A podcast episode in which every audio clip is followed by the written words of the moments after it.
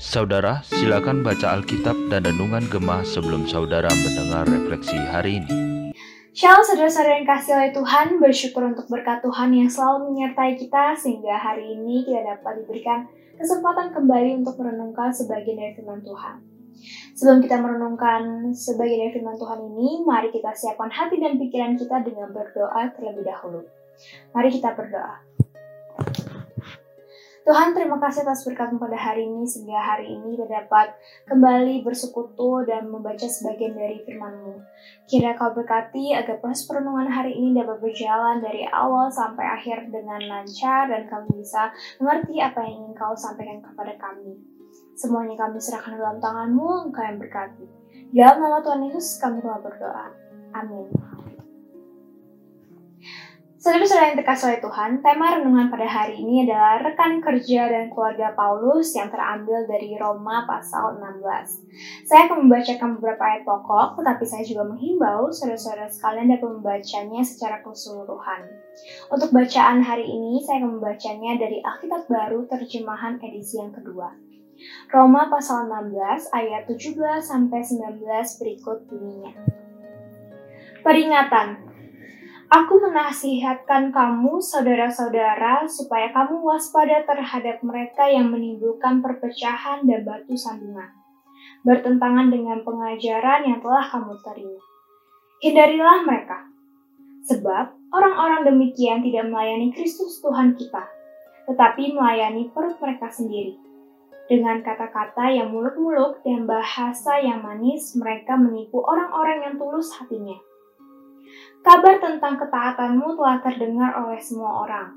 Sebab itu, aku bersuka cita tentang kamu. Namun, aku ingin supaya kamu bijaksana dalam hal yang baik dan bersih terhadap hal yang jahat. Yang terkasih oleh Tuhan, dalam bacaan pada hari ini kita mengenal bahwa Rasul Paulus merupakan sosok yang sangat ramah dan mudah bergaul dengan orang-orang sehingga ia pun mudah bekerja dalam suatu tim. Dengan kelebihan yang Paulus miliki ini membuat Paulus juga uh, memiliki tekad untuk membangun keluarga secara rohani. Hal ini ditunjukkan dengan banyaknya nama-nama yang disebutkan dalam surat tersebut. Dan dari banyaknya nama-nama tersebut ini juga menunjukkan bahwa Paulus menjunjung tinggi kesetaraan antara laki-laki dan wanita, karena banyaknya juga nama-nama wanita yang ia sebut sebagai rekan kerja. Setiap nama-nama yang disebutkan tersebut juga memiliki uh, posisi penting dalam hatinya dan ia menghargai, menghargai setiap sumbangsi yang rekan kerja mereka berikan. Walaupun secara langsung Rasul Paulus belum mengenal mereka secara dalam. Saya itu saudara-saudara yang terkasih dalam Tuhan, um, dengan keluarga rohani yang ya uh, Rasul Paulus bentuk tersebut, ini juga menunjukkan bahwa anggota-anggotanya itu berasal dari berbagai latar belakang maupun status sosial.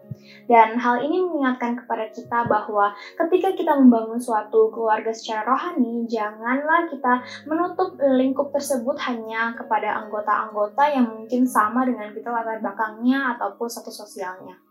Karena perlu kita ingat bahwa Tuhan menciptakan manusia dengan keberagaman yang ada. Dan perlu kita ingat bahwa dengan keberagaman tersebut kita telah dipersatukan dengan Injil dan melalui iman Kristus uh, sebagai satu kesatuan keluarga rohani.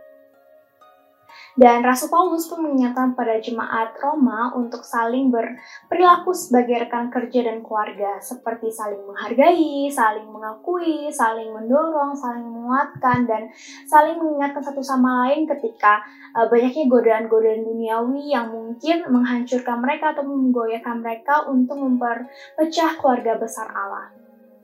Saudara-saudara yang terkasih dalam Tuhan, kita sebagai umat Kristiani di zaman sekarang kita juga tidak bisa hidup sendiri.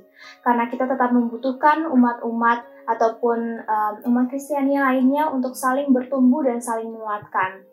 Hal yang kecil yang bisa kita lakukan adalah dengan mengikuti komunitas kecil ataupun persekutuan. Karena dari situ kita bisa mengenal uh, sesama rekan kerja ataupun umat Kristiani lainnya untuk saling menguatkan.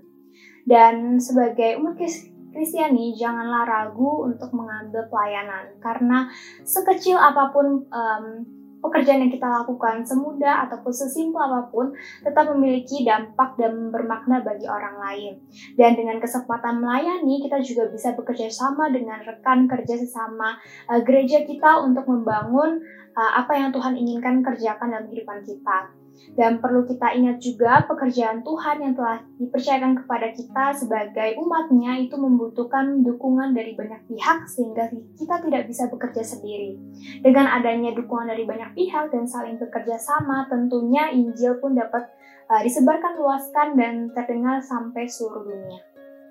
Saudara-saudara terkasih, apakah kita sebagai umat Kristiani telah memiliki kesadaran penuh untuk uh, bekerja sama dalam suatu gereja membangun um, apa yang Tuhan impikan kepada kita untuk kita lakukan dalam dunia ini.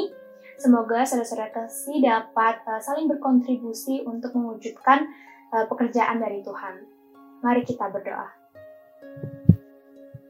Tuhan terima kasih atas berkat pada hari ini sehingga hari ini perundungan dapat berjalan dari awal sampai akhir dengan lancar. Terima kasih Tuhan untuk um, perenungan hari ini sehingga dapat mengingatkan kepada kita uh, untuk peran dan posisi kita sebagai rekan kerja itu membutuhkan satu sama lain untuk membangun apa yang ingin kau uh, ingin kami kerjakan dalam dunia ini. Kiranya dengan komunitas atau persekutuan yang telah engkau berikan juga dapat menguatkan kami sehari-hari menjalani kehidupan. Semuanya kami serahkan dalam tanganmu, engkau yang berkati. Dalam nama Tuhan Yesus kami telah berdoa. Amin.